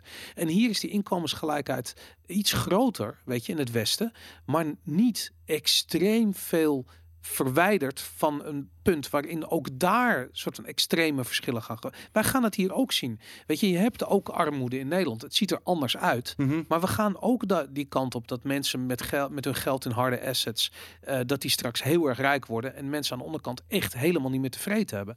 En, dat, en ik denk gewoon van ja, dat, dat sociale bewustzijn, iedereen heeft er baat bij dat we in een veilige en sociaal evenwichtige omgeving leven. Want ook daar in Mexico heb je gewoon. Maar dan ben je toch niet helemaal anti-collectivistisch? Want dan erken je toch dat er een soort van sociaal bewustzijn en gevoel moet zijn. eh Ja, maar dat om moeten, dat, nee, maar dat moeten is het is ten eerste is het niet iemands recht om daar aanspraak op te maken, want dat is dan waar je snel heen gaat. Want ik heb zoiets van als het iemands recht is, eh, eh, als iemand roept het is mijn recht, Mhm. dan betekent het automatisch dat het iemand anders zijn verantwoordelijkheid wordt. Mhm. En ik heb zoiets van van de een zijn recht moet niet de ander zijn, zijn, zijn, zijn probleem worden. Weet je, dat eh, eh, eh, het moet juist andersom zijn. Weet je, het moet zijn als jij iets kunt missen, dan deel je dat met de mensen die het nodig hebben. En ik zeg niet dat het moet. Het is een vrije keuze. Die vrije keuze, dat moet de essentie zijn van, van onze samenleving. Als wij niet in eerste plaats de vrijheid van keuze hebben, ja, dan. En wat ik denk, ik denk dat mensen uiteindelijk eh, eh, eh, voor hun omgeving zullen zorgen. Nogmaals, ik ben redelijk eh, libertarisch ingesteld. Dus het is niet dat ik mensen allerlei dingen wil gaan opleggen. Mhm. Maar ik gebruik wel de wegen in Nederland. Ja. En ik kan ook wel zeggen, ja, ik ben er niet eens mee hoe ik We zijn aangekomen bij de roads. De roads. de roads. Who's gonna build the The roads?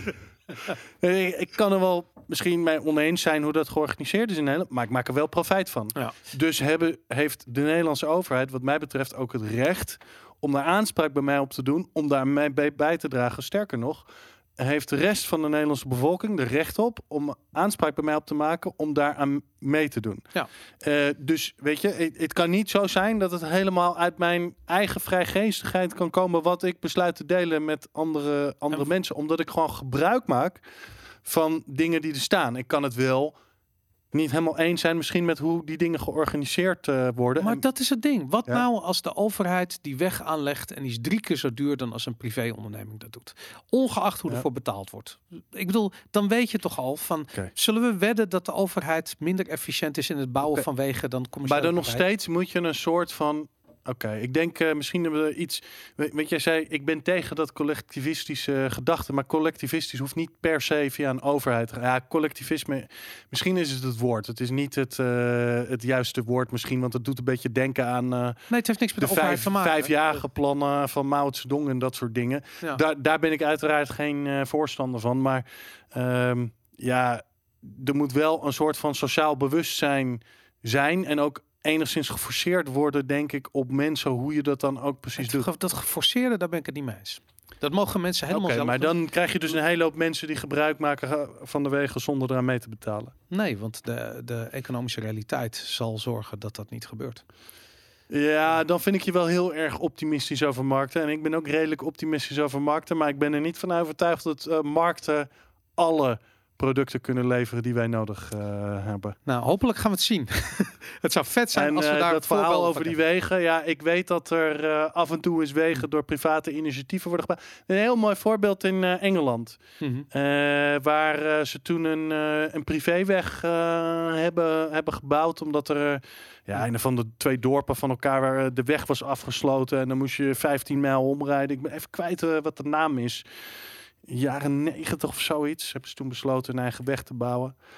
Er is geen rekening eh, gehouden met, eh, met erfgoed wat in de grond zat. Dus er Mhm. waren blijkbaar al, het waren eh, ja, archeologische opgravingen zijn daar later gedaan.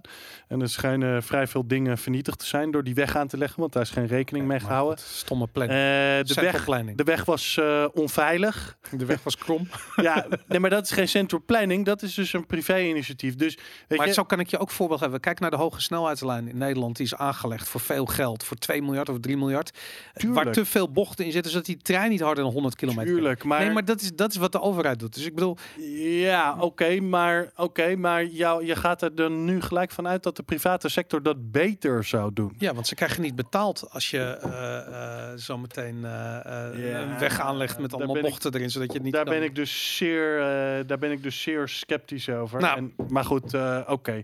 Nogmaals, ik ben niet, ik ben redelijk optimistisch over markten in het algemeen. Maar niet op alle zaken. En ik vind dit verhaal van, eh, van B-gebouwen, moet ik wel zeggen dat ik daar toch eh, roads. af en toe een beetje Ja. sceptisch over ben. Over die eh, fucking roads. Je hebt dat, dat hele beroemde filmpje Mhm. van die libertariër die helemaal losgaat over de roads. Ken je hem? Nee, nee, nee, niet gezien. Maar misschien heb ik hem wel gezien, ik weet het niet. Maar dat, eh, Eh, Weet je wat? Laat me nog heel eventjes één ander ding eh, naar voren Ja. halen. Die stond niet in de show notes, maar ik wou hem eventjes noemen. Ehm, Pomp, A. Pompliano, riep op Twitter... welk land zal als eerste bitcoin embracen? Ehm, en toen re- reageerde Mark van der Scheijs, wel interessant. Die zei, eh, my money is on Singapore. Their sovereign wealth fund, Temasek, has been quietly buying bitcoin for three years. Ehm. Smaller countries with less resources are more likely to take this risk. Tussen aanhalingstekens. They will drive Bitcoin price to over 1 million in five years. Nou, whatever die prijs. Maar het idee dat, eh, dat er dus al landen eh, dit aan het doen zijn en eh, Bitcoin aan het kopen zijn. ehm, dat, GIC is bitcoins aan het opkopen. wat is GIC? Dat is de Sovereign Wealth Fund van Singapore. Temasek heet dat fonds. Dat is tenminste wat Mark zegt in zijn, eh, in zijn tweet. Temasek. Temasek heet het, ja. Mag ik de tweet eens zien? Staat ook in de show notes. Maar ehm, eh, anyways, dat... eh, ehm, Oh, oké. Kijk, als het om eh, monetair beleid gaat en financieel overzicht, zo, eh, ehm, Singapore is wat dat betreft Mhm. een, een heel vrij land. Eh, andere dingen zijn wat minder vrij daar, maar dat is heel vrij. En dat, eh, ehm, ja, dit vond ik opvallend. En ik heb zoiets van, ja, misschien gaan we dit soort sociale extensies van een hard geldstandaard zoals Bitcoin in dat soort landen als eerste zien. Mhm. En ehm, ik hoop dat we dat gaan zien. Ik weet het niet zeker, maar ik hoop het. En dat, ehm, ja, dan kunnen we daar verder over praten. Ik vind het interessant. Goed, zullen we eventjes eh, over hackers eh, hebben, Jan? Eh, die hebben namelijk bij elkaar voor, of nee, bij elkaar, maar liefst 500 miljoen LinkedIn-accounts gestolen en op social media Mhm. gepost. dus iedereen die zijn LinkedIn-account heeft afgeschermd, zodat je niet kan zien wie je allemaal kent en waar je allemaal gewerkt hebt, die, ehm, ja, die is nu de Sjaak, want die data ligt alsnog op tafel of op straat. Zie jij op LinkedIn? Tuurlijk. Ja? Ik, zit, eh, ik ben echt zo'n LinkedIn-poster. Oh ja, Iedere echt waar. dag eh, vijf, zes keer. Ik haat LinkedIn. Van alle social media's vind ik LinkedIn Nee, ik ben de niet aller, aller, aller verdorvenste. Ja. Ik vind het echt serieus. Het is, het, het is een soort loonslaven social media. Je ziet Ja. iedereen is aan het reet likken en aan het slijmen en aan het posten wat voor awards ze nu weer hebben gedaan. Weet je, ik heb, ik bedoel, wij zijn natuurlijk altijd heel erg met onze, eh, onze awards die hier trots op tafel staan voor ons. Maar dit is natuurlijk ook gewoon een knipoog naar die hele awards cultuur, waarbij iedere, elke agency elkaar awards zit uit te delen, wat niet anders is dan onze awards hier, die ze zichzelf eigenlijk aan het uitdelen zijn. En op LinkedIn, ik vind het allemaal, dat, daar komt het allemaal samen. Weet je. je ziet daar nooit wat mensen echt denken. Je ziet alleen maar een soort van de hoop dat ze nu weer een nieuw klusje binnenhalen of ergens geld verdienen, weet ik veel wat. Het is echt eh, Ja. fucking vreselijk. Nou, ik, ja, het is, nou ja, goed. Het is wel een handig eh, plek om een klein profieletje op te hebben. Ja. Die je eventueel kunt delen met mensen als ze ergens om, eh, om vragen. Eh, wat ik vervelend vind, is al die requests die je krijgt van eh, mensen die je helemaal niet kent. Ik, eh, Ja. als, iemand, als ik iemand niet ken, dan accepteer ik hem ook niet als connectie op, op LinkedIn. Ik heb gewoon zoiets van helemaal geen zin in. Ik heb geen zin in het gedoe. Over het algemeen doe ik dat ook niet. Beetje afhankelijk van wat ik denk dat het eh, is. Maar er zitten ook zoveel van die mensen tussen. Ik had laatst, ik zat je van de week te vertellen. Iemand eh, die ik dan via via kende. Ik denk, nou oké, die had ik wel. Mhm. Die eh, vroeg of wij hier een special eh, over een blockchain payment system konden doen. Wat gebouwd was op.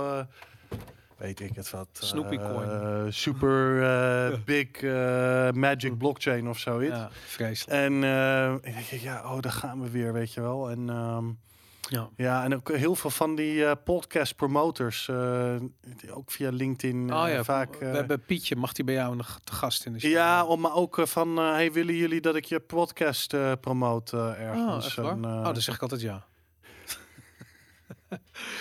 maar goed, anyways, dat LinkedIn, alle data ligt op straat. ik, moest, Gefeliciteerd als je een LinkedIn-account ik kom heel even nog terug op wat je zei over Singapore. Ja, Want ik moest heel even nadenken, want ik dacht dat het GIC was.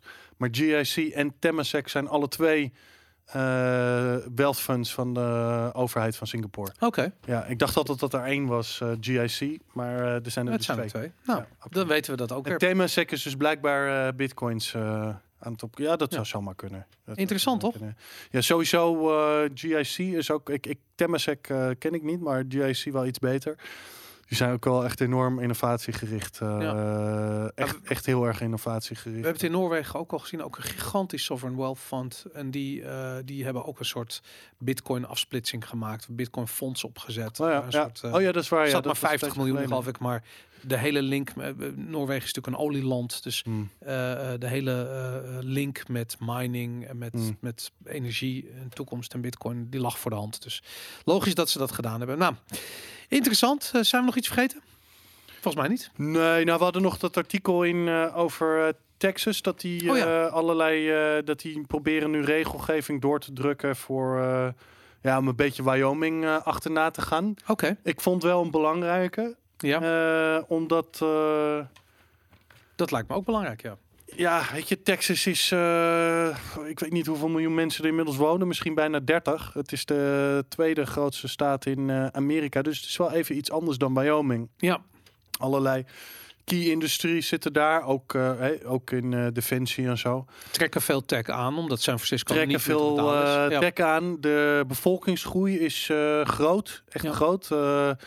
Ik, heb, eh, ik, ik heb zelf eh, een aantal jaar in Texas gewoond en ik heb ook in Austin gewoond. En toen de tijd dat ik er woonde, Mhm. woonde daar pak een beet 400.000 mensen. Er wonen inmiddels geloof ik 2 miljoen. Ja, Eh, ik heb ook in Dallas gewoond, waar toen de tijd dacht ik.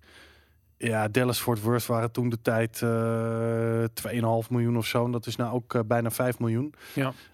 Of, of meer misschien wel, ik weet het niet. Dus de bevolkingsgroei is, is groot. Ehm, er is eh, veel tech, veel eh, grote bedrijven die daar geheadquartered eh, zijn. Echt Mm. een pro-business climate.